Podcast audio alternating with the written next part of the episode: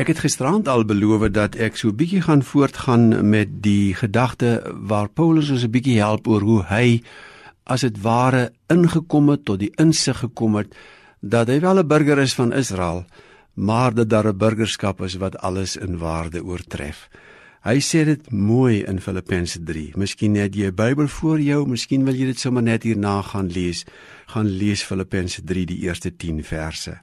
Terwille van hom het ek alles prysgegee. Beskou ek dit as verwerplik sodat ek Christus as die enigste bate kan verkry en een met hom kan wees. Dis hierdie hy oortref alles in waarde, het waarde. Ons koninkryksburgerskap kry as dit ware, mag ek dit 'n oomblik in Afrikaans sê, maar jy moet dit nie te ligtelik opneem nie.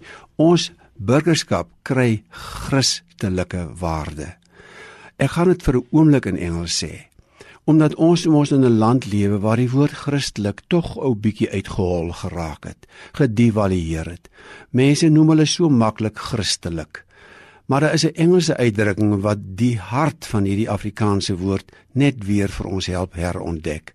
Christ-like behavior.